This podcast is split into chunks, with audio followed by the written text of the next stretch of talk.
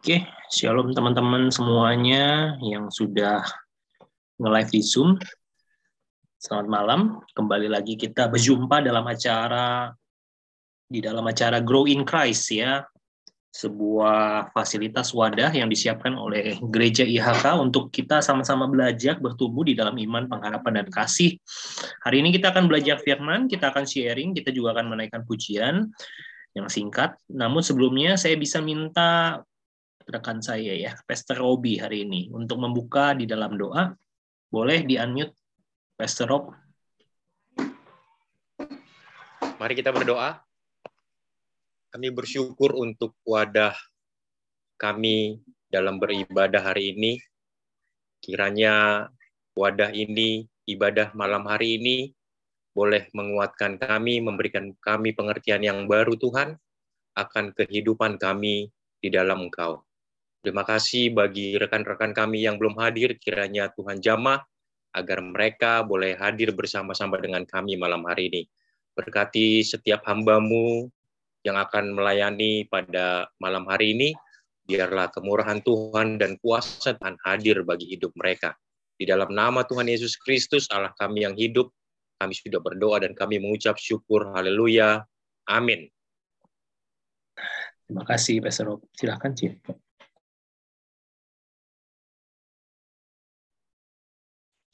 Mari sama-sama kita satukan hati kita, kita memuji nama Tuhan.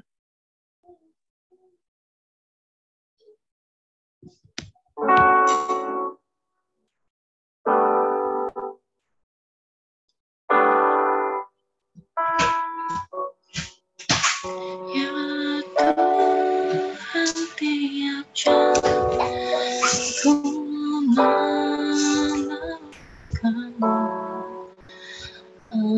Engkaulah yang memberi sejahtera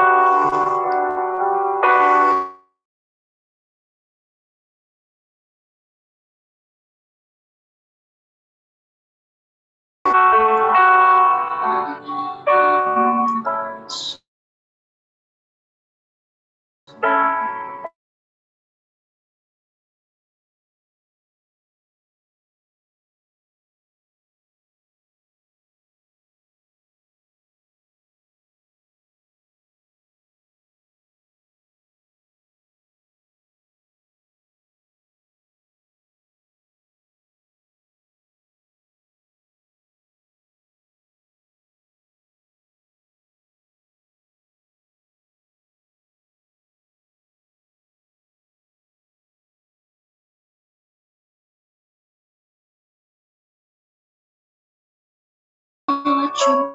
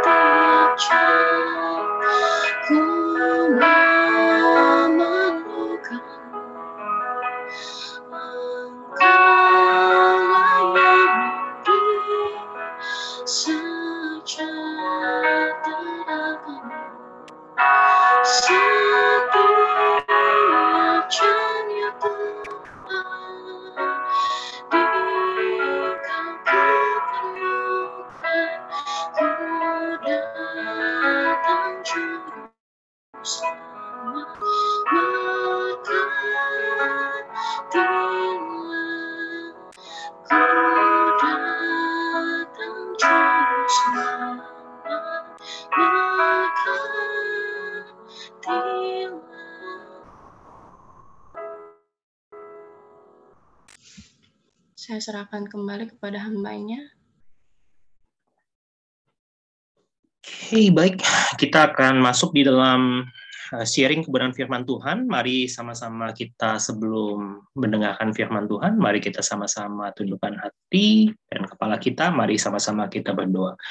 Bapak yang baik, Bapak yang penuh kasih, Bapak di dalam nama Tuhan Yesus, kami mengucap syukur malam hari ini kami diberikan kesempatan untuk kami kembali bersama-sama merenungkan sebagian daripada firman-Mu.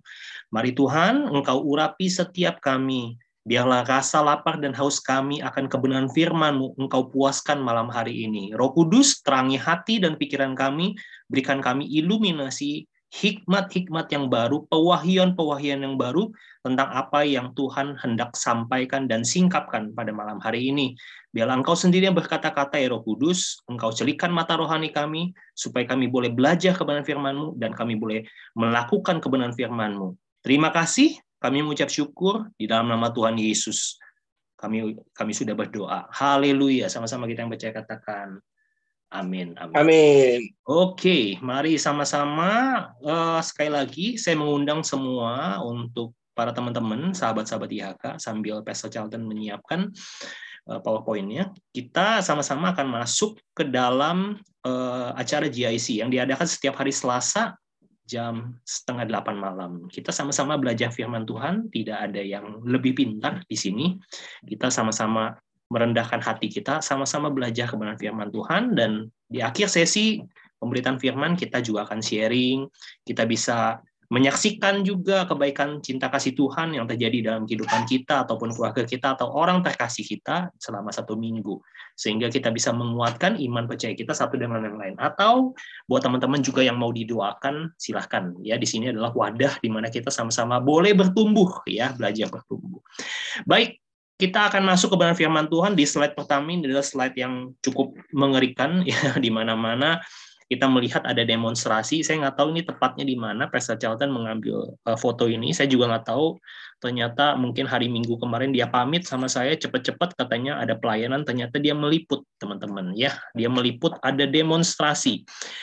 Tapi bukan itu topiknya malam hari ini. Nah kalau malam uh, kalau kita ingat eh, hari Minggu kemarin kita diingatkan oleh Pak Gembala punya khotbah tentang masa-masa yang sukar ya kalepos kita sudah diberikan peringatan oleh Alkitab akan masa yang sukar dan jahat. Dan bahkan kita semua bahkan diminta untuk mempersiapkan diri. Ya, ini adalah sebuah pesan, message yang tentunya akan berkelanjutan. Oke, bisa di next next slide. Kita sama-sama akan belajar apa sih pesan Tuhan, apa yang mau dikendaki Tuhan dalam hidup kita. Baik, Firman Tuhan menjadi landasan untuk kita pada malam hari ini dari Efesus 5 ayat 16 sampai 17. Demikian firman Tuhan. Saya akan bacakan dan pergunakanlah waktu yang ada karena hari-hari ini adalah jahat.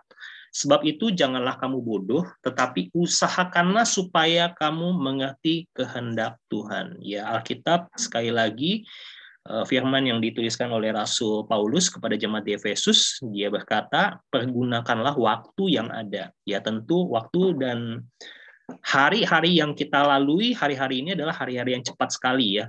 Ya tentunya seperti juga penggenapan apa yang dijanjikan firman Tuhan. Kalau waktunya tidak dipercepat, maka orang-orang kudusnya pun hampir-hampir sulit untuk selamat katanya ya. Jadi memang kita nggak berasa totonya hari Selasa lagi, totonya udah hari mau Sabtu, hari Minggu, ya cepat sekali hari-hari berlalu ya. Dan Rasul Paulus juga mengingatkan bahwa pergunakan waktu yang ada karena hari-hari ini adalah jahat supaya kita juga mengerti apa yang menjadi kehendak Tuhan. Di waktu-waktu yang sangat singkat ini kita belajar untuk mengerti kehendak Tuhan.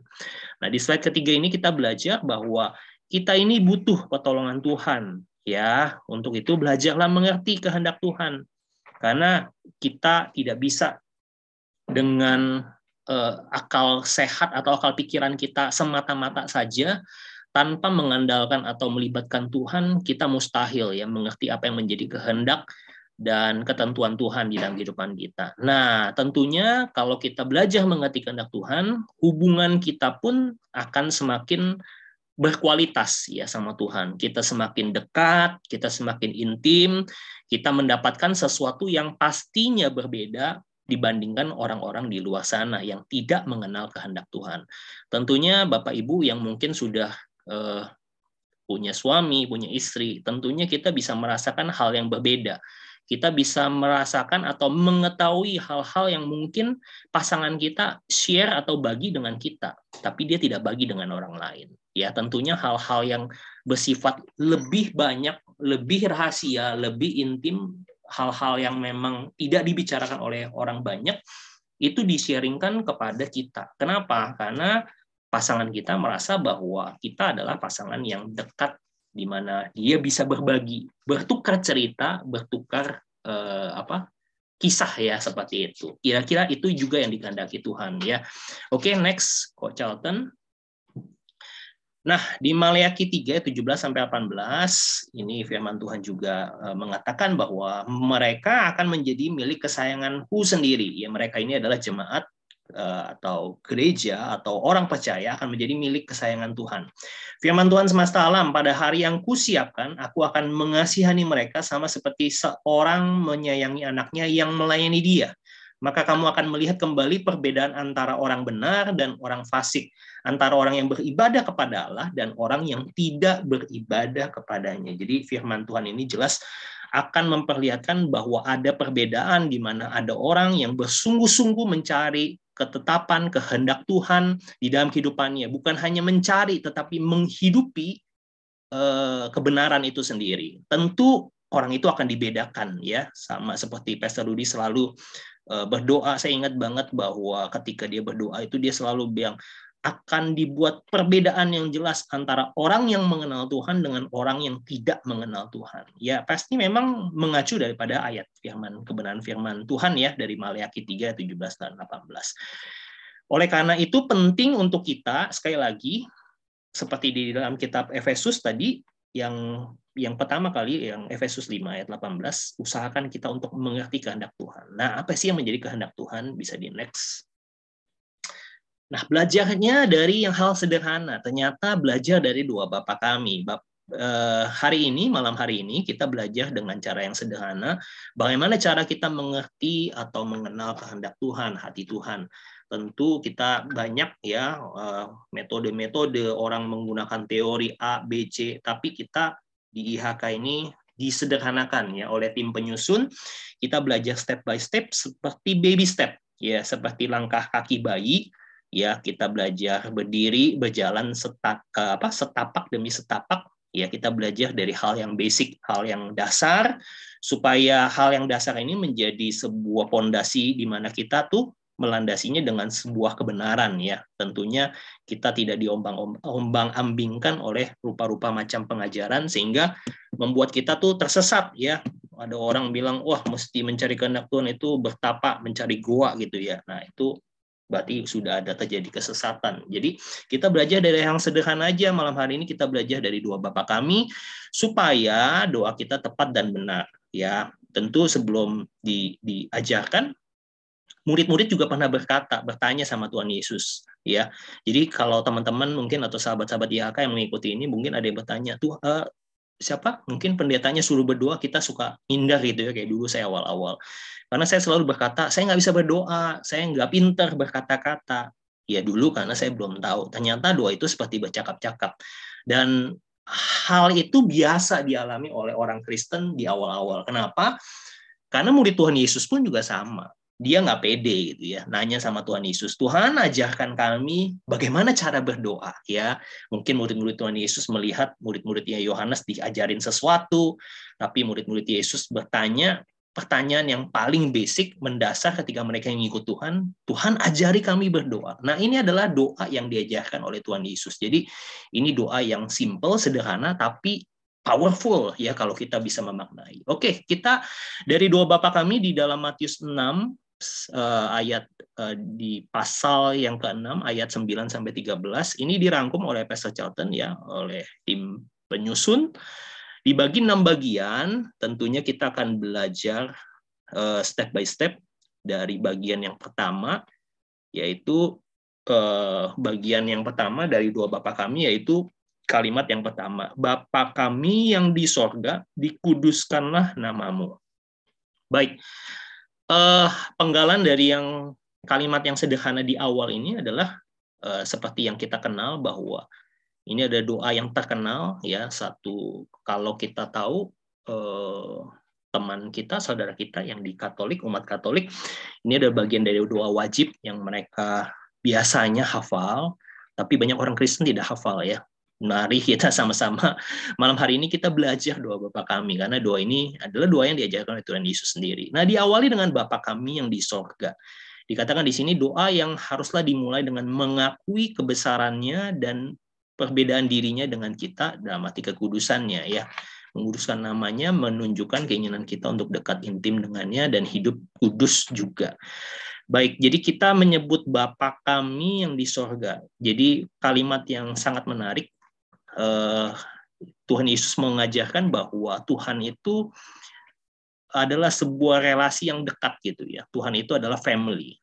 Ya, dia menggambarkan Yesus itu mengajarkan muridnya Tuhan itu bukan raja, bukan hakim, bukan penguasa alam semesta, tetapi Yesus mengajarkan kepada muridnya sebuah relasi yang luar biasa. Kita memanggil pemilik semesta alam ini dengan sebutan Bapa. Ya, Bapak atau Aba di dalam bahasa Aramik adalah panggilan yang erat tentunya dari seorang anak kepada ayahnya. Kita tahu Aba itu adalah penyedia, the source ya atau sang sumber. Jadi kita percaya bahwa kalau kita punya Bapak, dia adalah sang sumber yang menyediakan. Nah, dikatakan Bapak kami, bukan Bapak saya. Artinya kita bisa menyebut dia Bapak bersama dengan saudara-saudara kita yang lainnya. Ya, kita ini adalah yang diangkat menjadi anaknya. Ya, anak sulungnya itu Yesus, kita adalah anak-anaknya juga. Oleh karena penebusan darah Kristus, kita yang percaya kepadanya diberikan kuasa sebagai anak-anak Allah. Di dalam Yohanes 1 ayat 12, barang siapa yang percaya kepadanya, kita diberikan kuasa sebagai anak-anak Allah. Nah, kita adalah anak-anak Allah yang bisa memanggil Tuhan itu sebagai Bapak. Ya, Bapak kami yang di sorga. Nah, yang kedua, hal yang kedua adalah dikatakan bahwa dikuduskan namamu ya jadi kita harus benar seperti yang dituliskan bahwa kita harus mengakui bahwa dia adalah kudus ya dia adalah pribadi yang kudus dan ketika kita mengakui itu kita belajar bahwa kita perlu juga ya mengingatkan kita juga untuk sebagai anak-anaknya juga harus mengikuti teladan bapak kita gitu ya. Jadi anak itu selalu mencerminkan orang tua gitu ya. Jadi kita bisa membayangkan kalau kayak Korobi gitu ya punya anak itu tiga. Kalau anaknya itu baik, sopan, ramah, eh, secara kita ngomong mungkin orang mengenal anaknya itu baik, santun, ramah, ya periang, ceria. Anak itu merepresentasikan bahwa berarti di dalam hubungan keluarga mereka itu bapak mamanya juga pasti mengajarkan hal yang baik gitu. Jadi sama ketika kita mendoakan bahwa berdoa bahwa dikuduskan namamu, kita percaya bahwa kita punya Bapak atau Tuhan yang kudus. Kita perlu menjadi sama serupa dengan Bapak kita. Yaitu apa? Kita perlu untuk juga belajar untuk hidup kudus seperti dia gitu ya. Jadi mungkin seperti itu yang bagian kalimat yang pertama. Mungkin next slide biar cepat ya ada bagian yang ke dua sampai ke enam ini ada panjang sekali. Oke, bagian yang kedua setelah Bapa kami yang di sorga, dikuduskanlah namamu. Kemudian kalimat yang kedua dikatakan, datanglah kerajaanmu, jadilah kehendakmu di bumi seperti di sorga. Nah, bagian ini adalah bagian yang juga cukup menarik bahwa ketika kita berkata kalimat datanglah kerajaanmu artinya kita menyambut dan mengakui Tuhan itu sebagai raja yang berdaulat di dalam kehidupan kita ya. Dia bukan hanya bapak dia bukan hanya eh, pribadi yang yang menyediakan tapi dia juga adalah Tuhan yang berdaulat sebagai raja. Raja itu kan punya kuasa punya per, uh, punya apa pucuk ya isinya di dalam kepemimpinan itu paling tinggi gitu. Dia berarti dia yang punya kedaulatan uh, kuasa yang mutlak ya. Dan kita harus tunduk kepada otoritas atau wewenang yang paling tinggi yaitu raja. Sama seperti di kerajaan Inggris mereka punya ratu yang kemarin mungkin wafat.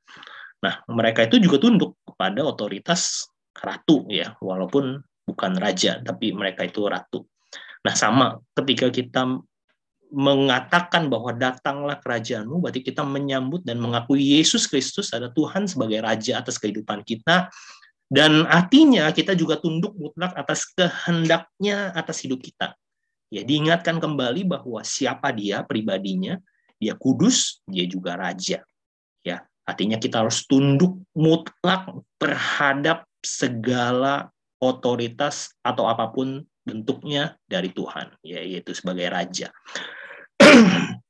Sorry, lanjut. Jadilah kehendakmu di bumi seperti di sorga. Dan di sini dikatakan bahwa jadilah kehendakmu. Artinya kita mengakui bahwa biarlah kehendak Tuhan yang jadi, bukan kita memaksakan biarlah kehendakku yang jadi gitu ya. Jadi jangan dibalik. Jadilah seperti kehendakmu di bumi seperti di sorga. Di sini dituliskan dengan kata-kata atau kalimat yang bagus. Bahasa Jaltan menuliskan berarti kitalah yang mengikuti gaya hidup sorga. Ya, bukan Tuhan yang menyesuaikan kehidupan kita. Jadi apa yang kita doakan itu selalu berpikir eh, apakah doa kita itu selalu kita diingatkan untuk menyelaraskan sesuai dengan kehendak Tuhan. Jadi kalau itu yang menjadi kehendak Tuhan, pasti itu yang terbaik. Jadi saya bisa melihat bahwa apa yang menjadi kehendak kita belum tentu itu baik. Karena itu belum tentu menjadi kehendak Tuhan. Tapi kalau itu kehendak Tuhan, kita bisa memastikan bahwa kehendak Tuhanlah yang terbaik. Makanya dikatakan jadilah kehendakmu di bumi seperti surga. Sama seperti Yesus pada saat di Taman Getsemani, ketika dia berharap berdoa cawan kesakitan cawan derita itu dilalukan dari dia sebenarnya mungkin segenap sorga tuh pada diam gitu ya. Mungkin berharap Yesus uh, wah gawat nih batal nih gitu ya. Tapi untung Yesus itu baru koma gitu. Seka, uh, apa biarlah cawan ini lalu daripadaku tapi dia koma bukan titik tetapi janganlah seperti kehendakku, melainkan kehendakmu lah jadilah. Jadi kita belajar bahwa Yesus pun pada waktu dia di bumi, dia belajar untuk submit, dia belajar untuk mengikuti apa yang menjadi kehendak Bapaknya eh, terjadi atas kehidupannya. Nah, itu juga dituangkan dan diteladani dengan dua Bapak kami gitu ya. Jadi sama Katakan seperti itu. Jadilah seperti kehendakmu di bumi, seperti di sorga. Oke, bagian ketiga. Nah, ini mulai masuk ya. Mulai masuk daripada isi. Itu pembukaan. Yang ketiga adalah, bagian ketiga adalah dikatakan, berikanlah kami pada hari ini makanan kami yang secukupnya. Ya, jadi eh, dikatakan di sini, berikanlah kami pada hari ini makanan kami yang secukupnya. Ini berarti bukannya tidak boleh meminta, boleh kita meminta, boleh kita berdoa. Ada permintaan boleh nggak sih? Eh, kadang-kadang mungkin kita bertanya, boleh nggak sih minta sesuatu sama Tuhan? Boleh kok. Ya, tidak ada dikatakan namanya anak tidak boleh minta ya sepanjang sejadi orang tua dan melihat orang tua saya pikir banyak ya permintaan anak-anak kita dari yang mungkin paling dasar mungkin dari sesuatu yang tidak perlu dia minta sampai sesuatu yang mungkin menjadi keinginan yang kita pikir ah ini kayaknya terlalu terlalu wah gitu ya untuk di, diminta oleh anak kita. Ya tentu kita sebagai orang tua pernah mendengar permintaan-permintaan seperti itu. Nah jadi saya bisa menyimpulkan boleh aja minta. Ya boleh minta sesuatu tetapi tentunya ketika kita meminta sesuatu sama seperti kita meminta orang tua kita gitu. Ada hal-hal yang berdasarkan keinginan atau hawa nafsu kita. Ya, kita pengen memuaskan hawa nafsu kita. Kadang-kadang manusia kan gitu ya, nggak puas gitu. Ketika orang lain diberkati, kita pengen menyamai seperti orang itu gitu. Orang lain punya mobil, kayak kita kita punya punya mobil gitu. Padahal rumah kita sempit di gang, nggak bisa buat parkir. Kadang-kadang nyusahin juga gitu ya. Jadi sama seperti ketika kita meminta sesuatu, kadang-kadang menurut Tuhan belum siap gitu. Ya. Jadi segala sesuatu yang kita minta sama Tuhan boleh kita minta, tapi haruslah berdasarkan jangan berdasarkan keinginan atau kedagingan kita. Kita minta pada Tuhan sesungguhnya hal-hal yang sangat-sangat basic, hal-hal yang sangat eh, menjadi kebutuhan primer. Apa yang kita butuhkan? Ya, contohnya apa? Kesehatan, ya di saat kita mungkin pada waktu dua tahun yang kemarin ada masa-masa pandemi kita menghadapi yang namanya ketakutan virus.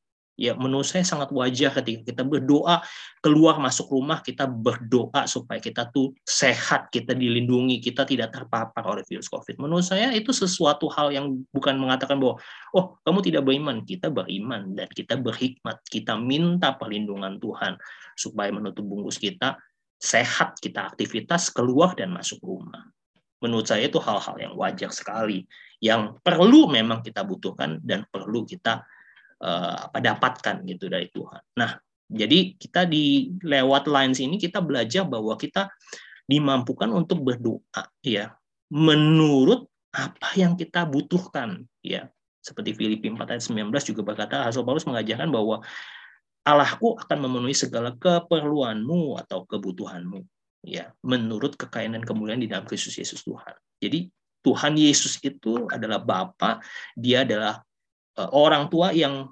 berkewajiban ya memang menyukupkan apa yang anak-anaknya butuhkan ya bukan inginkan ya jadi apa yang kita butuhkan ketika kita minta Tuhan saya percaya kalau itu memang merupakan kebutuhan apa yang menjadi eh, kerinduan kita.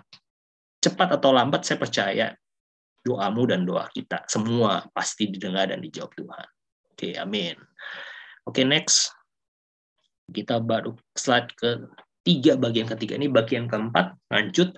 Dan ampunilah kami akan kesalahan kami seperti kami juga mengampuni orang yang bersalah kepada kami. Tentunya eh, setelah kebutuhan secara badani ya kebutuhan yang secara jiwani ya gini ya mungkin ya bagian dalamnya adalah ampuni kami ya setiap akan kesalahan kami setiap hari tentunya kita pasti ada membuat kesalahan dan dosa yang kita perbuat Nah, kita perlu mengakui itu semua di hadapan Tuhan. Baru pemulihan bisa terjadi. Dan di saat yang bersamaan, jangan lupa doakan juga orang-orang yang bersalah juga kepada kita, karena semua juga berhak mendapatkan kesempatan juga dari Tuhan. Ya, ini uh, bagian yang juga penting tentunya ketika kita belajar untuk meminta ampun sama Tuhan, kita juga harus belajar ya. Tanpa kita belajar mengampuni, kita mungkin sulit untuk mengerti pentingnya diampuni gitu ya. Ketika kita diampuni dan mengampuni itu kita belajar untuk merilis atau membebaskan sebuah kukungan ya dalam pikiran dan jiwa kita itu hal-hal yang yang yang yang apa yang mungkin bisa membebani hati kita, pikiran kita, kehidupan kita ketika kita memenuhi relung uh, kita itu dengan kesalahan dengan menyimpan kesalahan-kesalahan orang-orang yang di sekeliling kita gitu ya.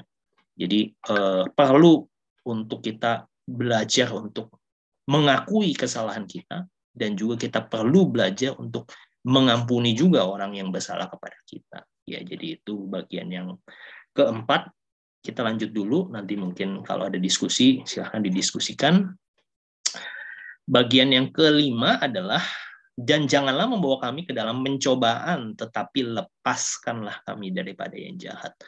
Tentunya kita perlu untuk mengutarakan kepada Tuhan semua keterbatasan dan semua godaan yang tidak mampu kita hadapi sendirian. Tentunya kita manusia, siapa pun kita, apa pun profesi kita, seberapapun kita, saya pernah mendengar bahwa tidak ada hamba Tuhan yang kebal akan dosa. Itu yang saya pernah dengar. Dan saya juga mengimani dan mengakui bahwa nggak ada orang bilang pendeta itu kebal sama dosa. Semua orang tuh bisa berdosa, semua orang bisa jatuh. Makanya karena kita tahu manusia itu terbatas, hamba Tuhan itu juga manusia yang terbatas. Kita perlu untuk berdoa sama Tuhan, ya, mengingatkan bahwa kita ini terbatas loh. Ya, kita ini bisa jatuh. Ya, bahkan kemarin Pastor Jacqueline yang jam 10 juga mengatakan bahwa Daud loh yang ditemui Tuhan di, dicatat di dalam Alkitab Daud adalah orang yang punya hati uh, punya apa? Tuhan tuh berkenan kepada Daud. Hatinya itu hatinya Daud tuh menyenangkan hati Tuhan. Orang yang kayak Daud yang hebat luar biasa aja itu bisa jatuh apalagi kita apalagi saya gitu ya saya selalu membandingkan Daud yang kayak begitu aja tuh yang man of God manusia pilihan Allah gitu ya. Wah, nggak ada yang cacat-cacatnya kelihatannya gitu ya. Memuji, pemasmur, ya.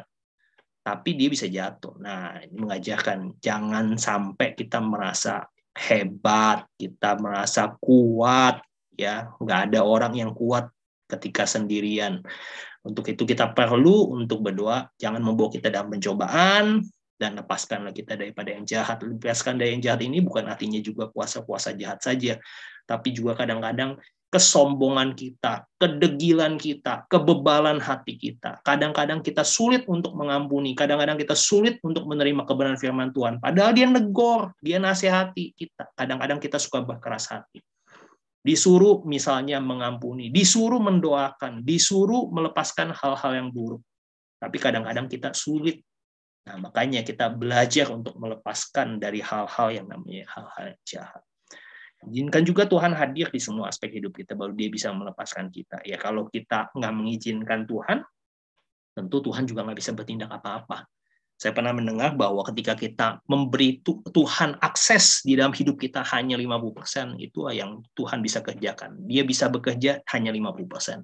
Kalau kita kasih dia 80%, dia hanya bisa bekerja 80%. Jadi seberapa banyak, seberapa besar kita mau Tuhan pakai hidup kita, seberapa besar juga kita mau memberikan kontrol atas hidup kita kepada Tuhan. Ya, jadi itu. Oke, yang bagian terakhir, saya sudah habis waktunya jam 8. Terakhir, ditutup dengan pengakuan, yaitu karena engkaulah yang empunya kerajaan dan kuasa dan kemuliaan sampai selama-lamanya. Tentunya ini adalah sebuah diawali dengan uh, pengakuan dan ditutup juga dengan pengakuan ya bahwa semuanya ya yang baik itu semua berasal dari Tuhan dan kuasanya dan kembali kepada Tuhan. Kita perlu diingatkan melalui teks daripada kata-kata penutup dari doa Bapak kami ini ya, mengingatkan kepada kita bahwa segala sesuatu yang baik yang terjadi di atas kehidupan kita, yang terjadi atas proses hidup kita, semuanya daripada Tuhan. Semuanya juga untuk kemuliaan nama Tuhan. Jadi dari Tuhan, oleh Tuhan, dan untuk kemuliaan nama Tuhan. Jadi itu yang menjadi eh, bagian penutup bahwa kita perlu belajar segala sesuatunya itu datangnya dari kuasa Tuhan dan kembali kepada Tuhan. Oke, klik next. Ah, lainnya ditutup dengan ini. Maka dari dua bapak kami kita belajar untuk menyesuaikan diri kita dengan Tuhan maka kita akan melihat kuasanya terjadi atas hidup kita. Ya, jadi semakin kita eh, dua bapak kami mungkin kata-katanya kalimatnya seperti yang tadi sederhana, mungkin kalimat-kalimat yang menurut kita easy to easy gitu ya. Tapi percayalah dari hal-hal yang sederhana yang easy itu mendatangkan kuasa. Ketika kita sudah belajar menyelaraskan hati kita dengan hatinya Tuhan, detak jantung kita dengan detak jantungnya Tuhan, keinginan kita dengan keinginan Tuhan, maka percayalah seperti Yohanes 15 ayat 7 ketika kita ada di dalam dia dan firman-Nya ada di dalam hidup kita maka mintalah apa saja yang yang kita kehendaki maka itu akan dikerjakan oleh Tuhan. Mari kita tutup firman Tuhan, sharing firman Tuhan dan kita akan masuk dalam sharing. Mari kita sama-sama berdoa. Bapak yang baik, terima kasih buat sharing kebenaran firman-Mu pada malam hari ini. Biar kebenaran firman-Mu boleh kami menjadi rema dalam kehidupan kami. Kami bisa membangun kehidupan doa kami, menyelaraskan kehendak Tuhan di dalam kehidupan kami. Seperti apa yang Tuhan kehendaki dalam hidup kami, maka terjadilah atas kehendakmu Tuhan. Terima kasih, biarlah apa yang kami boleh sharingkan, boleh menjadi satu bekal, dan kami boleh men-sharingkan bersama-sama. Kami mau bertanya, kami mau bersaksi, kami mau didoakan. Biarlah ruang sharing Eh, beberapa menit ke depan Tuhan pimpin, Tuhan juga berkati Pastor Charlton yang akan menjadi host. Dalam nama Tuhan Yesus kami berdoa. Haleluya. Amin. Silakan Pastor Charlton. Amin. Puji Tuhan. Bapak Ibu, memang betul kemarin itu setelah ibadah saya langsung ke Eropa karena meliput kekacauan di Eropa. Eropa itu ya Cengkareng sebelah kiri sedikit Bapak Ibu ya, memang banyak kekacauan. Ya, Bapak Ibu memang sekarang itu mengerikan ya. Terlepas dari apa yang sudah diceritakan oleh Pak Paulus Eko itu eh, di Eropa itu sekarang Bapak Ibu saking listriknya mahal ya sampai nggak bisa bayar listrik, mereka lagi musim dingin jadi nggak bisa nyalakan apa namanya pemanas. Lalu suatu hari istri saya kontak saya dan menceritakan bahwa di Inggris itu saking laparnya sampai anak-anak sekolah itu makanin penghapus, Bapak Ibu. Puji Tuhan anak saya pulang masih makan daging, masih makan sayur, puji Tuhan. Sekarang mas berarti makin susah Bapak Ibu ya, kehidupan makin susah. Kalau Pak Paulus Eko kemarin khotbah itu kalepos itu eh, ya seperti masa tribulasi ya, masa penyiksaan. Dan ini luar biasa, makanya malam hari ini tim, tim penulis memulai seri apa memasuki apa eh, berkat ilahi dan juga kesembuhan ilahi serta topangan kekuatan ilahi itu dengan apa? Dengan kita belajar berdoa yang benar, Bapak Ibu. Karena sering kali kita minta yang baik dari Tuhan tapi caranya salah, ya benjol, Bapak Ibu. Kalau kita minta sama Tuhan caranya salah ya nggak benar ya Tuhan ngamuk, nanti malah berabe. Makanya tadi Pastor Fendi sudah memaparkannya dengan luar biasa.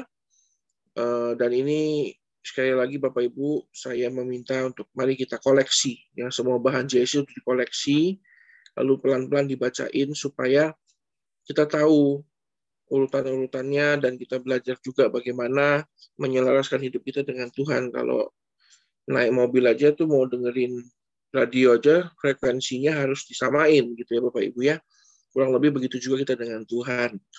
Oke, Bapak Ibu tanpa panjang lebar, saya nggak akan mengulangi lagi apa yang sudah disampaikan tadi. Kita belajar dari doa Bapak kami dan ini salah satu tonggak sejarah ya Bapak Ibu ya. Pater Nostra ini doa Bapak kami ini adalah satu tonggak sejarah. Jadi tidak hanya diakui secara rohani Bapak Ibu, tapi juga diakui secara sesos, uh, secara uh, sejarah dan juga secara sastra bahwa ini adalah doa yang lengkap ya. Karena apa? Kandungan memintanya itu hanya 20%, Dok. Selebihnya itu adalah relation, relasional ya. Yang dibahas relasional makanya Bapak kami yang di surga dikuduskanlah namamu, datanglah kerajaanmu, jadilah kehendakmu di bumi itu masih relasional tuh. Ya, baru masuk berikanlah kami pada hari makanan kami yang secukupnya baru minta tuh setelah itu apa apa ampunilah kesalahan kami, jangan masukkan kami dalam pencobaan dan lain sebagainya. Karena kalau yang punya kerajaan dan kuasa itu relasional lagi Bapak Ibu, memulihkan hubungan dengan Tuhan. Makanya hari-hari ini Bapak Ibu kalau mau kita ditolong Tuhan ya pulihkan dulu koneksi kita dengan Tuhan. Antena-antena yang udah lama rubuh, ha dibangun lagi. Antena-antena yang udah lama nggak sesuai arahnya disesuaikan lagi ya. Di kolom kesaksian eh kolom kesaksian. Di waktu ini mari kita bahas bersama-sama. Di sini ada Pastor Robi. Puji Tuhan biasanya ketemu di gereja ini ketemu di Zoom. Bagaimana kabarnya Pastor Robi? Bisa dinyalakan mic-nya? Kabarnya baik? Baik Pastor. Baik. Baik. Baik ya puji Tuhan. Bagaimana? Uh, ada yang mau ditambahkan atau mungkin ada kesaksian terkait kehidupan selama seminggu ini Iya, kalau saya sih uh, menghadapi ya berita yang memang hari-hari ini penuh dengan uh, gejolak begitu ya, khususnya di Eropa seperti yang uh, Pester sampaikan, bahkan presiden, menteri keuangan juga mewanti-wanti begitu ya. Namun satu hal yang uh, harus kita pegang juga adalah bagaimana kita tetap tenang sih. Di tengah berita-berita yang makin uh, menakutkan begitu ya. Kita harus bisa juga uh, tenang dalam menghadapi semua ini. Sehingga ketenangan itu yang bisa membuat kita berpikir jernih untuk uh, apa yang harus kita lakukan di tengah kondisi yang makin ya mungkin tidak menentu dan sangat cepat perubahannya ya. Jadi dengan ketenangan uh, kehidupan kita bersandar dengan firman, pasti segala sesuatu walaupun itu mungkin kesulitan, kita bisa melaluinya bersama dengan Tuhan ya. Tentunya ya bagaimana kita bisa tenang ya dengan firman tentunya dan mengikuti setiap ibadah-ibadah yang ada di tempat kita. Itu aja sih, Pastor.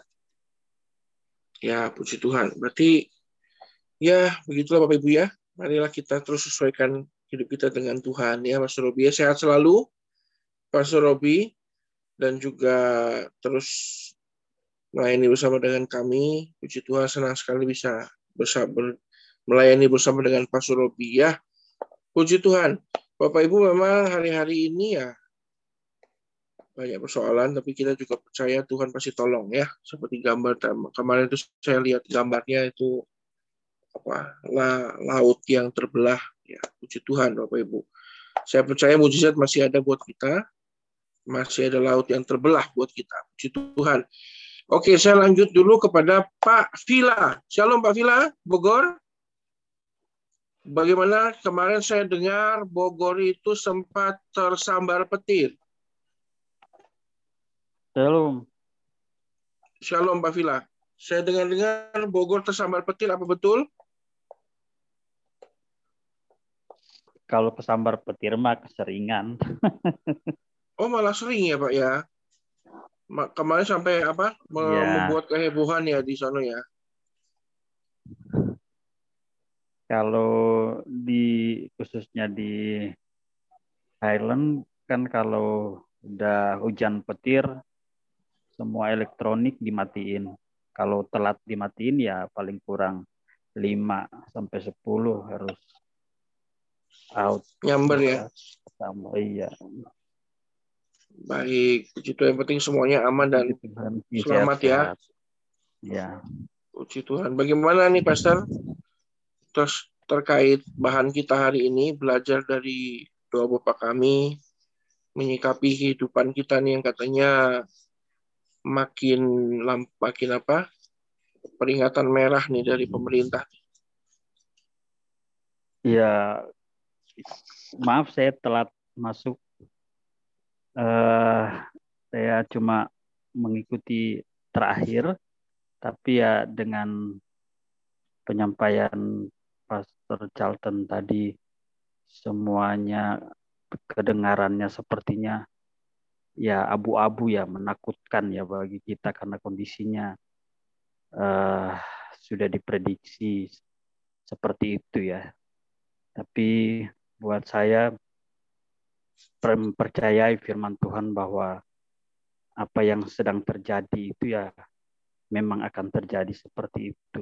Tinggal bagaimana kita membuat apa namanya hubungan kita dengan Tuhan semakin kuat dan terus minta hikmat dan perlindungan Tuhan. Ya. Itu aja. Memang pada akhirnya semua kembali ke Tuhan ya. Pak Vila ya. ya. karena terakhir Manusia. tadi yang Pastor Kendi bilang ya eh, dari Tuhan untuk Tuhan gitu kan. Jadi ya apa pun yang memang harus dihadapi ya kita harus hadapi tidak bisa mungkin kita tidak mungkin kita mau mengelak gitu kan karena memang situasi kondisi eh, dunia semakin hari semakin tidak baik gitu tapi ya saya mempercayai bahwa setiap orang yang sungguh-sungguh berharap dan bergantung sepenuhnya sama Tuhan dikatakan akan terpelihara. Amin. Gitu. Berarti nggak usah khawatir ya, Pastor Vila ya. Khawatir Kita itu manusiawi sih, Pastor. Kalau menurut saya, saya juga hari-hari yang saya lewati selama pandemi ya penuh dengan kekhawatiran itu manusiawi, tapi bukan berarti kekhawatiran itu yang mengendalikan hati dan pikiran kita.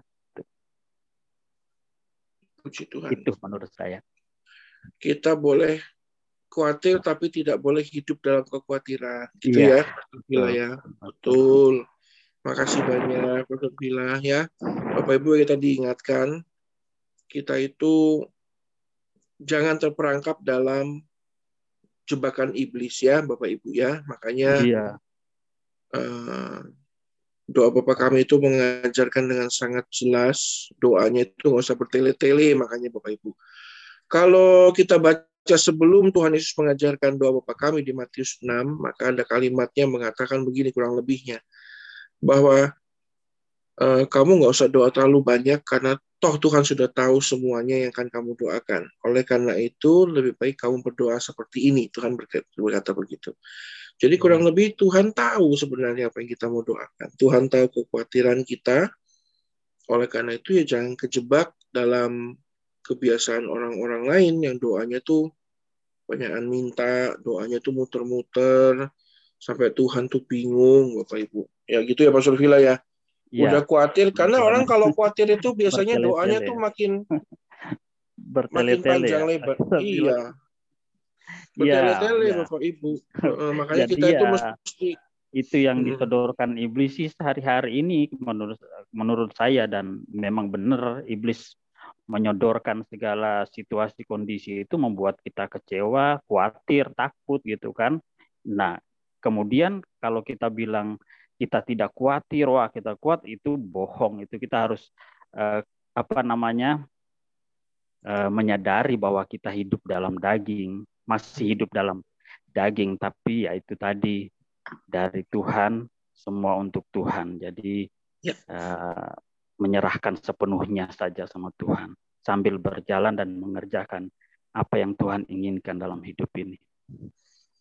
Ya, makanya setiap kali kita dengar firman itu Bapak Ibu itu disimpan semua pengetahuan akan firman itu supaya kita tahu uh, batasan-batasannya Tuhan tuh di mana, cara kerjanya Tuhan gimana.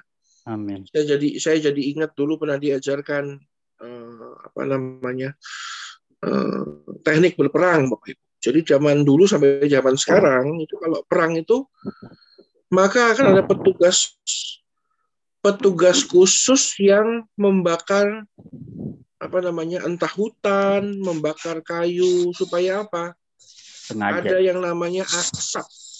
Nah, itu yang dalam teknik berperang itu disebutnya sebagai the fog of war, Bapak Ibu. Eh, kabut kabut perang, Bapak Ibu. Jadi orang itu jadi nggak ngerti posisi musuh di mana, letaknya di mana. Nah, kita itu sering kali dibawa sama iblis itu ke fog of war itu, kabut perang. Jadi kita asapnya itu membuat kita jadi nggak nggak tahu posisi kita di mana. Tapi kalau kita ngerti Tuhan itu cara kerjanya seperti apa, kita nggak takut, Bapak Ibu. Langkah kita jelas.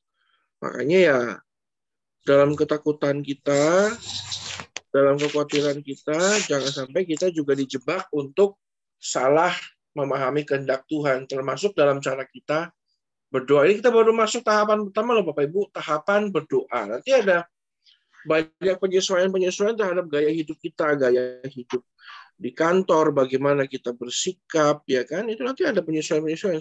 Semuanya apa?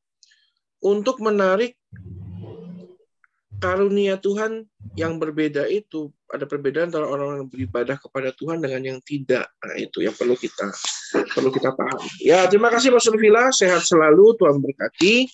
Terima kasih Pastor. Ya, Tuhan puji Tuhan. Di sini juga ada Pak Santo. Shalom Pak Santo. Ya, shalom Pak. Ya, bagaimana kabarnya Pak Santo? Uh, boleh berikan kita sedikit atau mungkin ada yang mau ditanyakan, monggo. Sementara Pak. Sementara oke? Okay? Oke. Okay, ya. Waduh, ini keajaiban ini Pak Santo. Oke, okay, ini berarti mantap ini. Puji Tuhan. Terima kasih Pak Santo, sehat selalu, Tuhan berkati, tetap berkarya di ladangnya Tuhan. Ya, ini ada Pak Henry Giovanni, ini kan minggu lalu absen ini Pak Henry ini. Nanti, bentar lagi. Pak Henry. Ya, shalom. Eh, ya. Salam semuanya. Uh, minggu lalu kayaknya absen ini, minggu lalu. Iya, minggu lalu absen karena ini masih apa dalam proses pemulihan. Oh iya, iya. puji Tuhan. Hmm. Okay. Kalau kalau sekarang sudah pulih, sudah benar pulih. Ya, puji Tuhan Pak, anugerah ya, Tuhan, Tuhan baik. Iya, Tuhan Yesus baik. Mantap. Mantap. Uh, apa ya? Saya mau apa ya? Uh, ya paling mau apa ya nambahin apa juga sudah bagus semuanya. Cuman ada satu hal yang kemarin hari Selasa yang saya dapat hikmat dari Tuhan itu ternyata Tuhan Yesus ya benar-benar baik dan sangat baik. Jadi uh, saya posisi diri saya ini kan uh, juga baru kenal Tuhan juga kan baru belum belum juga belum begitu mengenal pribadinya yang seperti apa. Karena kan kita uh, dulunya kan hanya tahu dari orang-orang bahwa Tuhan Yesus baik, Tuhan Yesus baik, Tuhan Yesus baik. Nah, caranya itu baiknya seperti apa? Kalau baik sama orang baik ya orang lain juga pasti bisa. Tapi ternyata Tuhan Yesus itu baik buat saya yang hidupnya tidak baik itu. Itu yang luar biasa yang buat saya. Jadi seperti saya baca di apa uh, di kisah apa kisah uh, di suratnya Rasul Paulus cuman saya nggak tahu ayatnya berapa. Cuman itu yang saya kena hikmatnya di situ bahwa ya saya kan uh, mungkin teman-teman IHK semua tahu lah kalau saya pergumulannya kan tidak terlihat ya tiba-tiba pingsan di jalan atau apa. Uh, uh, kalau saya tidak percaya sama Tuhan Yesus ya mungkin saya akan berpikir di mana Tuhan? Di mana Tuhan? Di mana Tuhan? Tapi karena akhirnya saya nggak berpikir ke situ lagi, saya percaya sama dia, jadi hasilnya juga berbeda jauh sebelum saya tidak percaya sama dia. Tapi yang satu saya pengen uh, membawa saya apa ya maksudnya saya mau jadi saksi dia itu kepada orang yang suatu saat nanti mungkin saya temukan seperti hidupnya seperti saya gitu tidak percaya sama Tuhan Yesus jadi akhirnya percaya karena dia mau menghibur baik orang yang berdosa ataupun tidak berdosa. Bukannya dia cinta pendosa, eh cinta dosa, tapi dia cinta sama orang yang suka uh, maksudnya pendosa itu atau jiwa-jiwa itu supaya tidak berdosa lagi. Itu aja sih. Hmm. Itu yang saya terima. Saya terima kasih banyak juga sama teman-teman semua yang di HK yang selalu dukung saya. Tentu saya juga manusia biasa, banyak apa kesalahan, tapi saya bersyukur bisa ada di terutama komunitas ini ya jadi saya semakin tumbuh sama komunitas-komunitas yang sehat sehingga apa yang dahulu saya ternyata salah, saya pikir dulu benar, akhirnya saya tahu bahwa ini salah dan harus diperbaiki. Jadi semua jadi ya saya merasa lebih lebih baik dibandingkan yang lalu tentang hal keadaan-keadaan yang sekarang. Ya memang setiap hari pasti ada banyak masalah lah ya. Nah, contoh yang tadi Pastor Charlton bilang, tentang hal apa di ekonomi atau tentang yang gelap. Saya mau sekarang karena mungkin karena saya sekarang ini merasa baru jatuh cinta ya sama Tuhannya. Jadi saya udah ah bodoh amat saya mau percaya aja pokoknya hal yang terbaik pasti Tuhan berikan. Karena dia yang memelihara hidup saya pasti dia sediain semuanya. Walaupun memang kita harus apa lalui masalah itu kan nggak mungkin juga teman-teman anak Tuhan nggak dikasih nggak nggak dilalui masalah itu enggak justru karena kita anak Tuhan, kita tahu kebenaran, kita percaya bahwa Tuhan menyertai kita, kita harus hajar itu masalah-masalah kegelapan-kegelapan atau masalah-masalah yang gelap itu. Karena kita bersama Tuhan pasti kita bisa. Ya itu aja. Terima kasih semuanya. Tuhan Yesus sangat baik. Terima kasih. Amin. Puji Tuhan. Ya, Pak Henry, saya juga mengamini nanti Bapak akan melayani khusus ya untuk orang-orang yang punya pengalaman hidup seperti Bapak ini. Saya rasa bukan omongan yang sederhana, nanti Bapak akan dibawa Tuhan. Nah itu nanti hati-hati Pak, nanti Tuhan akan bawa makin banyak ketemu dengan ladang pelayanan seperti itu. Ya Tuhan berkati dan Tuhan akan perlengkapi. Amin, amin. Kita terus belajar bersama-sama. Ya setelah Pak Henry ini ada juga Pastor Rudi. Shalom, Pastor Rudi. Ya, shalom ya, Ya, shalom Pak Rudi. Bagaimana kita butuh sedikit insight nih Hmm. dari Pak Surudi ada nggak atau mungkin malah ada kesaksian apa sepanjang minggu ini Pak Surudi? Kesaksiannya tetap Tuhan Yesus baik, pemeliharaannya sempurna. Amin. Ya kalau Tuhan. untuk penambahannya ya saya senang dengan Pastor Robi.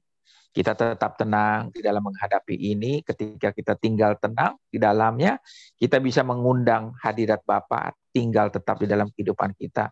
Ya seperti doa Bapak kami lah yang pertama bab datanglah kerajaanmu. Ketika kita tinggal tenang, kita bisa mendatangkan kerajaan Tuhan yang tidak tergoncangkan. Ketika kita yakin, percaya, orang bilang kun fayakun, pasti terjadi.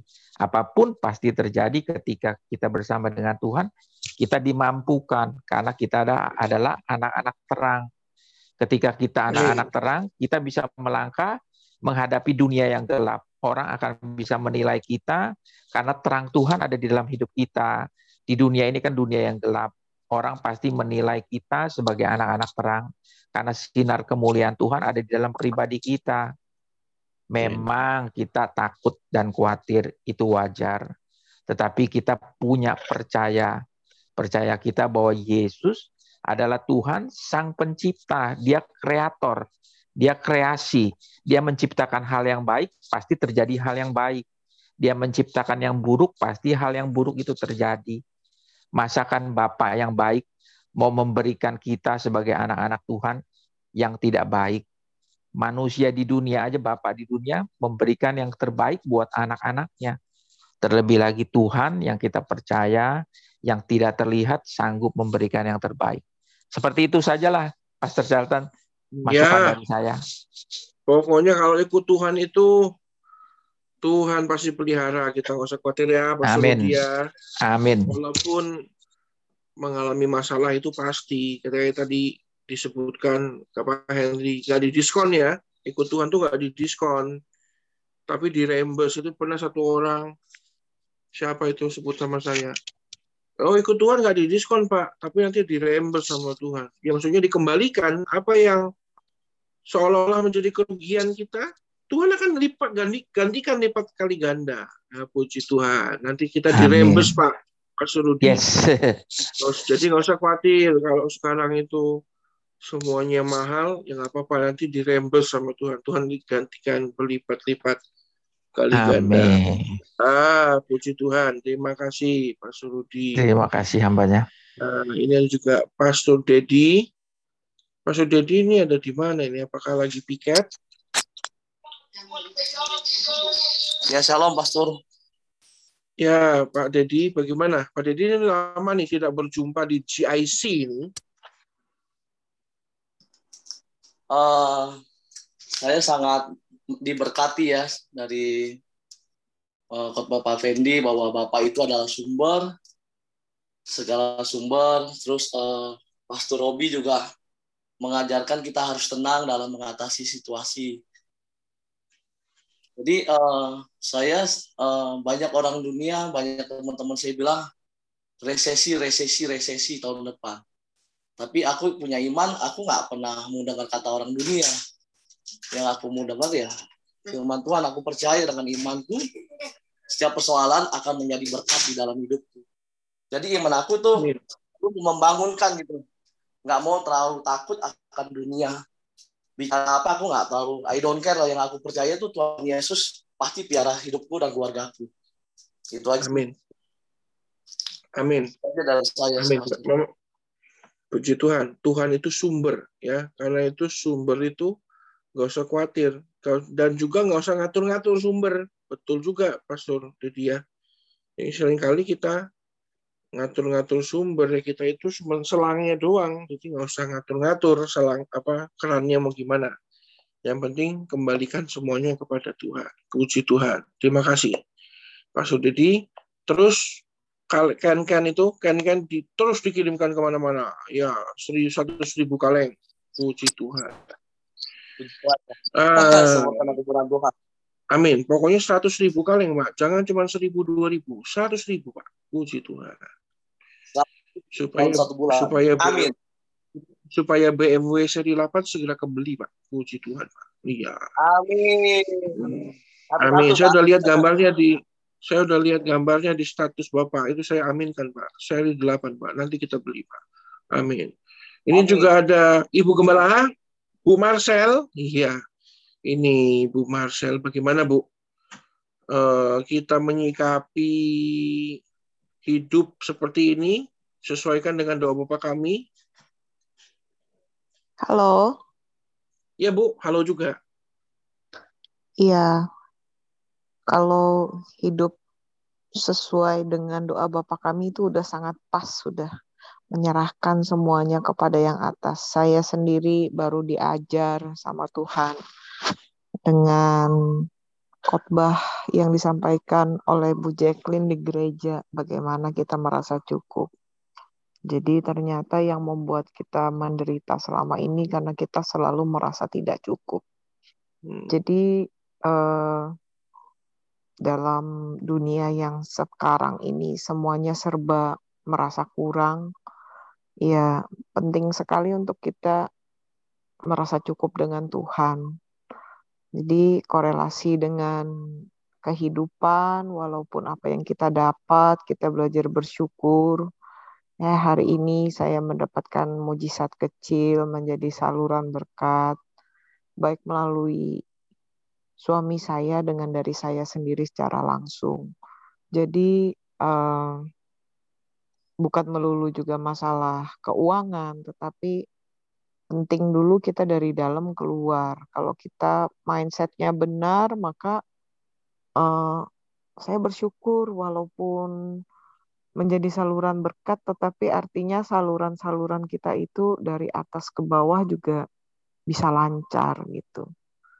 Jadi saya menyimak, saya juga ikut mengamini apa yang sudah disampaikan oleh Pak Fendi, Pak Robi, dan kawan-kawan semuanya.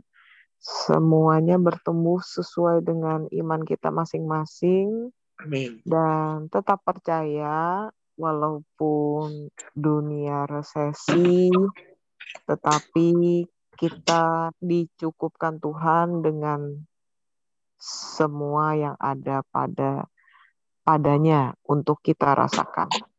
Amin. Amin. Baik, nanti suatu saat kita dengar kesaksiannya seperti apa. Yang penting kita amini dulu kesaksian juga apa. Mujizat terjadi dalam hidup kita. Amin. Berarti Bapak Ibu, rasa cukup itu penting Bapak Ibu ya. Karena sering kali ketiadaan rasa cukup itu yang menghancurkan hidup kita. Itu harus hati-hati. Ya, bagi yang ingin mendengarkan kembali bisa saksikan Ibu Jacqueline Selose khotbah hari Minggu kemarin. Nah, kalau biasa yang khotbah itu Doremon, kali ini yang khotbah cakep-cakep Bapak Ibu kemarin hari Minggu luar biasa. Pak Gembala juga bajunya putih kinclong luar biasa. Ibadah kedua EFC 2 Bu Jacqueline, waduh merah merona luar biasa. Bisa saksikan saran tundanya ada di channel YouTube channel Gereja IHK, IHK Church ya. Supaya diberkati juga seperti Ibu Marcel. Jangan lupa nonton lagi dan share, like dan komen. Wah, luar biasa. Saya seperti YouTuber ini sekarang. Ya, ada tadi ada Putri. Ah, deh. Ibu Tri Widayati. Ya. Bagaimana Putri? Ya, salam Pastor. Ya, salam Pastor Tri. Tri Widayati. Ya. Enggak. Enggak, Ibu aja. Ibu aja. Ibu Pastor. Ya kalau kalau menurut saya sama kayak Pastor Robi, kita di di akhir-akhir zaman ini di benar-benar lagi ada banyak-banyak kabar yang mengkhawatirkan kan, apalagi saya suka uh, ada punya channelnya Pak Dotoni, channelnya Tom, Pastor Thomas, Pastor Michael, banyak kan itu yang penglihatan-penglihatan lagi yang lain. Itu kan semua yang menakutkan semua kalau kita nggak dekat sama Tuhan, nggak percaya sama kuasa Tuhan atas kehidupan kita, pasti sudah apa ya, udah parno lah ibaratnya. Terus kalau nggak punya iman bisa-bisa mengakhiri hidupnya sendiri karena memang benar-benar kita rasakan memang mulai mau berasa berjalan ke susahan itu. Resesi juga ada segala macam.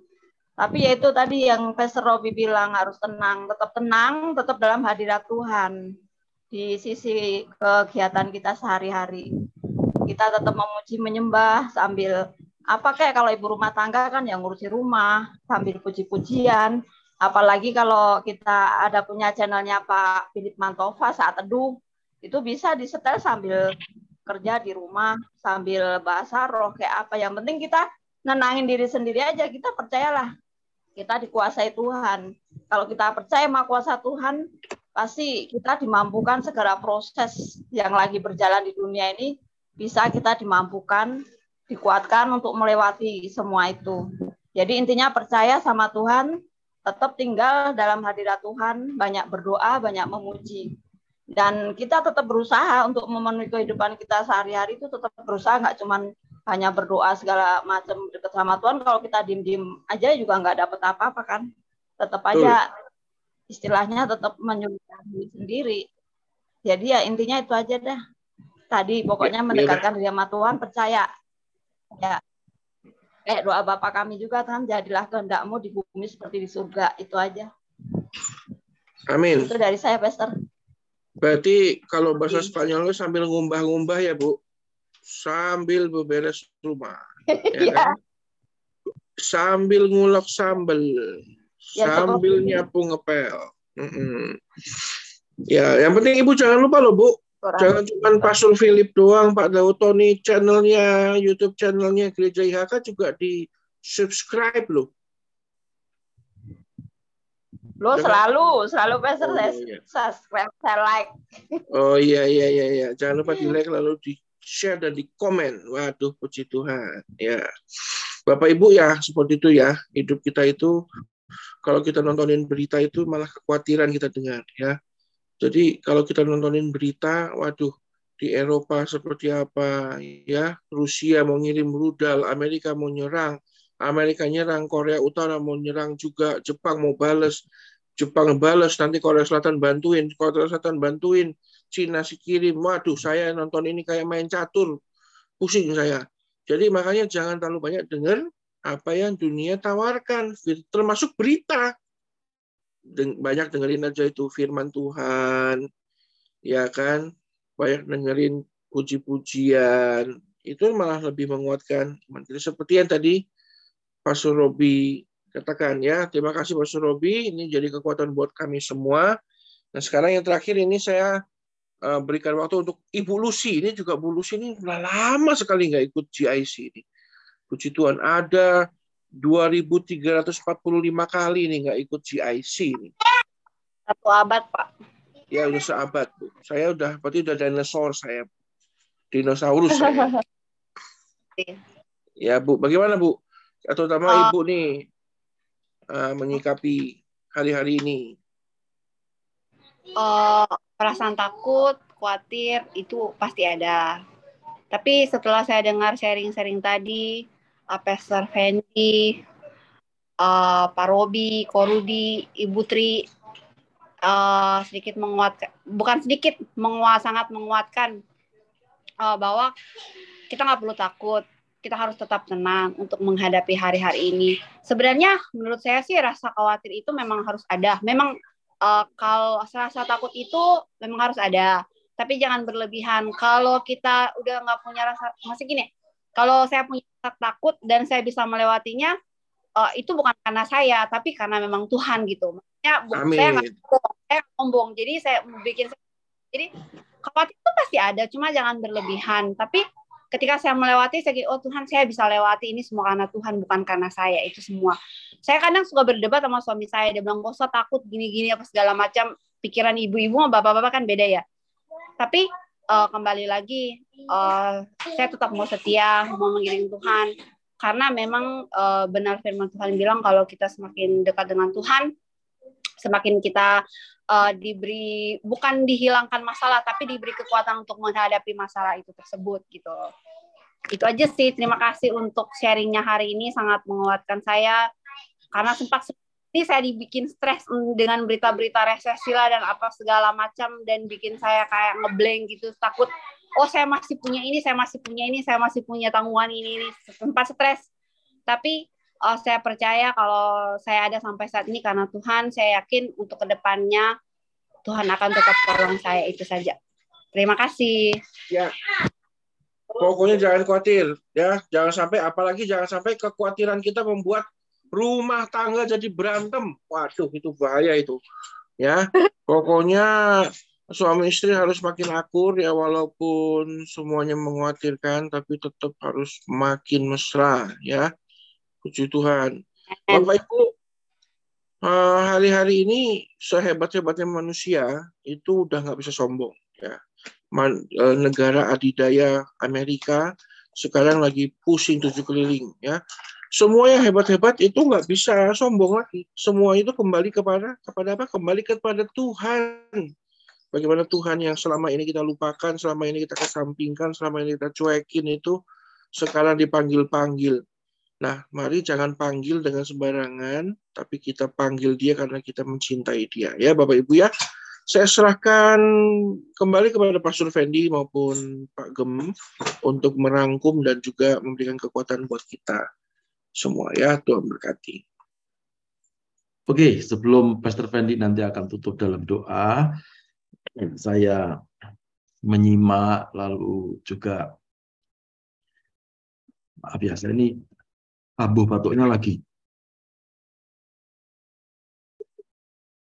Saya hanya mau mengingatkan bahwa jangan takut ya. Yang pertama, kemarin sudah dikotbahkan di sesi yang pertama IFC 1 bahwa eh, mungkin saya akan ulang sedikit ya Sebentar. Saya akan ulang. Mana ya? Kok nggak muncul ya? Hilang. Tunggu.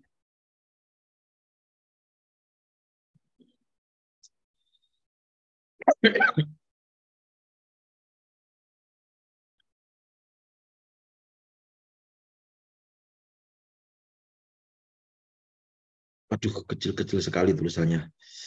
Mata saya sudah mulai. Nah, ini teman-teman. Ya, jadi eh, ada tiga hal yang yang kita harus pegang teguh ini ya dalam menghadapi masa-masa atau situasi yang yang seperti ini ya. Boleh khawatir, tapi jangan tinggal dalam kekhawatirannya. Boleh takut, tapi jangan memelihara ketakutannya. Karena itu ada tiga hal yang kemarin saya bagikan. Yang pertama, gunakan kuasa nama Yesus ya. Jadi kalau ada apa-apa mendengar apa-apa terkejut atau apa pun, tetap kita harus ngomong dalam nama Yesus atau darah Yesus dalam nama Yesus. Ya. Karena itu sadar atau tidak sadar ya, percaya atau tidak percaya itu memberikan kekuatan kepada kita.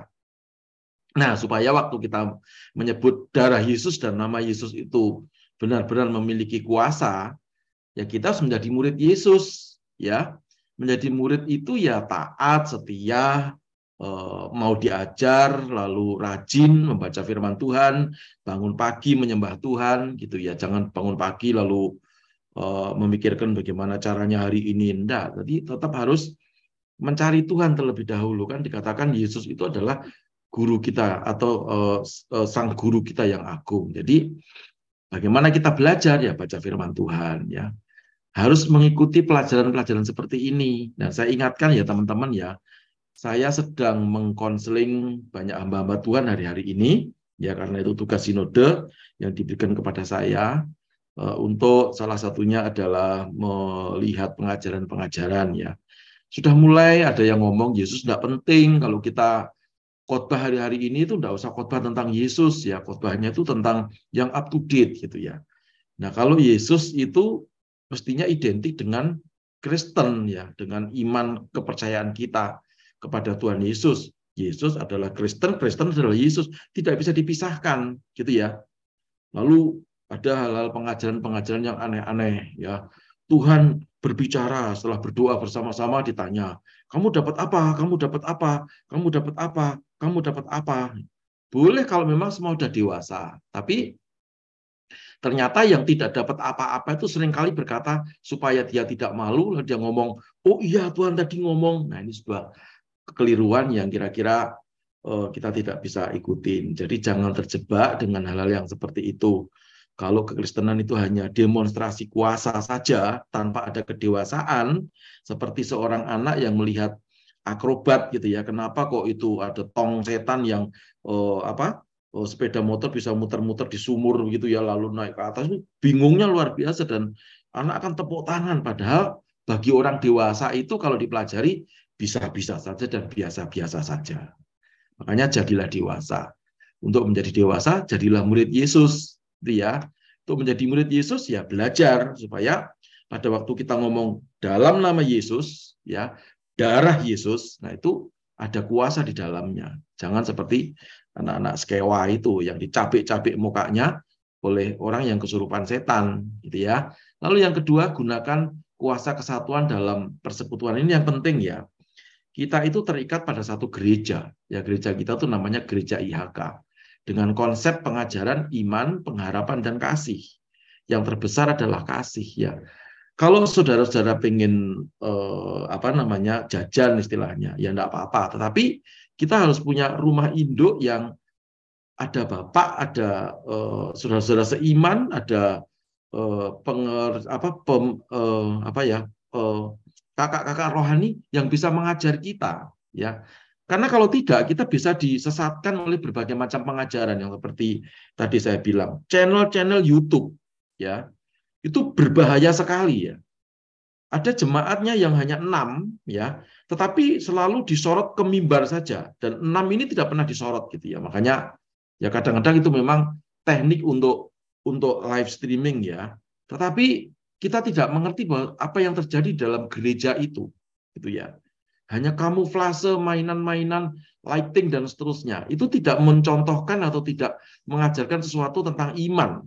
Ya, sekali lagi, jadi jangan hanya terpana dengan demonstrasi-demonstrasi, lalu Tuhan bicara, lalu orang khotbah karena Tuhan itu oh, tadi malam saya bermimpi lalu dikhotbahkan. Itu sangat-sangat berbahaya. Karena itu kembalilah kepada gereja kita Eh, sesekali bolehlah ke persekutuan, sesekali boleh, tetapi eh, kembali kepada rumah kita untuk kita bersama-sama berdiskusi seperti ini dengan tekun, belajar, ya eh, apa bertukar pikiran seperti ini, ada yang membimbing, ada yang memimpin, yang membimbing paling tidak ada Pastor Shelton yang betul-betul lulusan teologi, ya. Ada Robi yang baru saja bergabung hari ini juga lulusan teologi ya. Jadi ada kaidah-kaidah yang memang benar-benar itu bisa dipertanggungjawabkan secara eh, keilmuan ya. Lalu bisa secara spirit bisa dipertanggungjawabkan. Bukan nggak maaf ya bukan berarti orang yang nggak pernah sekolah itu tidak bisa dipakai Tuhan. Tidak ya. Tidak seperti itu. Maksud saya karena ini adalah zaman zaman akhir ya. Pengajaran pengajaran itu harus diuji Ya, pengajaran-pengajaran itu harus diuji. Kemarin saya panggil seorang hamba Tuhan dan akhirnya eh, ya kami mau ngambil satu tindakan organisasi dan mengajarkan yang aneh-aneh. Ada namanya urapan perwira, lalu urapan kupu-kupu, lalu urapan angin badai, lalu urapan ombak selatan, lalu urapan apa itu namanya?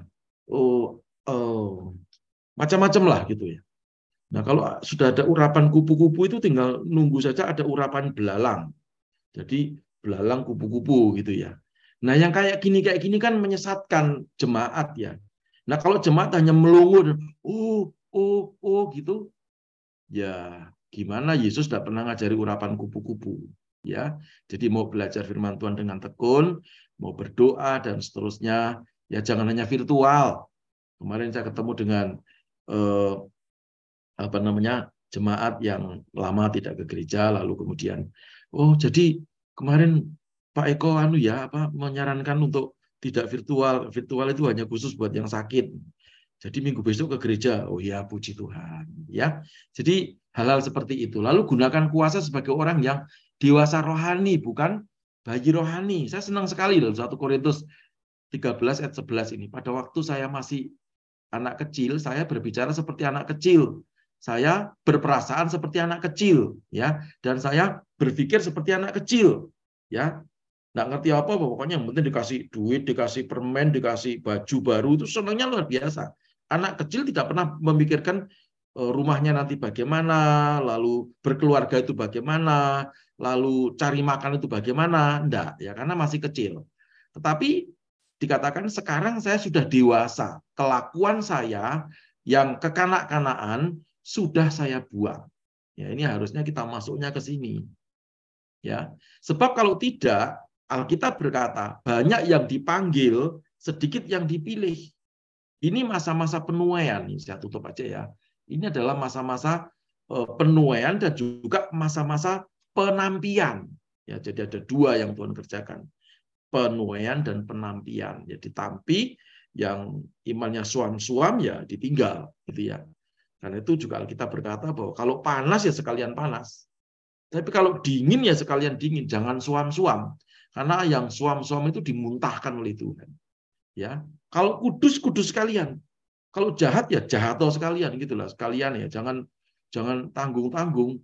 Ya, jadi orang yang tanggung itu cuma nyakitin perut gitu ya. Jadi ini yang saya pengen ingatkan kembali, tidak perlu takut ya. Tapi kita juga perlu memberikan satu warning ya kepada jemaat bahwa ini loh zaman kita harus hati-hati, jangan sampai lengah ya.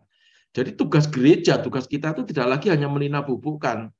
Oh nggak apa-apa, Tuhan itu baik ya. Sekali-sekali ya diberi pengajaran disuruh minum kopi pahit gitu ya. Kopi itu tidak harus manis terus. Kalau kamu minum yang manis terus diabetes. Ya, sekali-sekali kasih pahit supaya matanya terbuka gitu ya. Waktu ngantuk kasih kopi pahit hmm, terbuka. Oh iya ya. Ternyata jalannya bukan ke kiri tapi jalannya lurus. Ya kita selamat.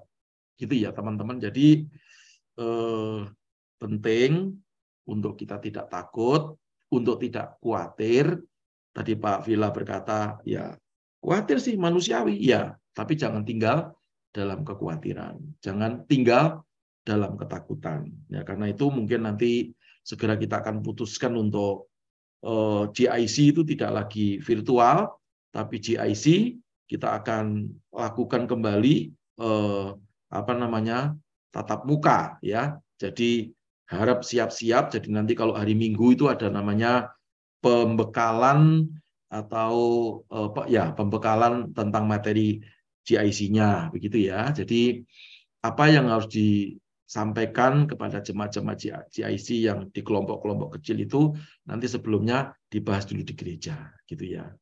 Nah, sekarang itu adalah hal seperti itu yang harus dikerjakan. Tuhan sudah dekat ya. Kita tidak boleh nina bubuk nina bubuk, tinggalkan kekanak-kanaan ya tadi berkata bahwa dulu aku memang anak-anak, aku sekarang sudah tinggalkan itu, sekarang aku sudah dewasa rohani.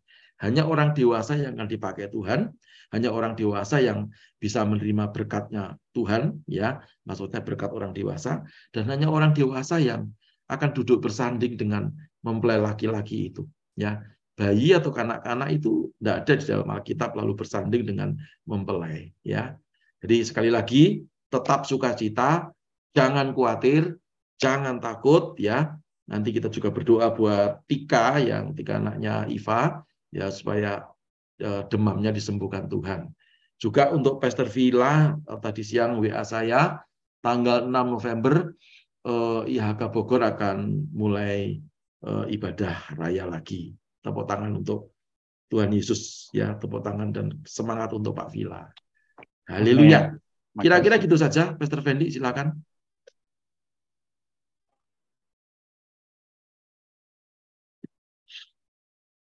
Oke, baik. Terima kasih. Kita akan tutup. Uh, saya boleh minta yang berdoa mungkin untuk Santo. Santo bisa di-unmute.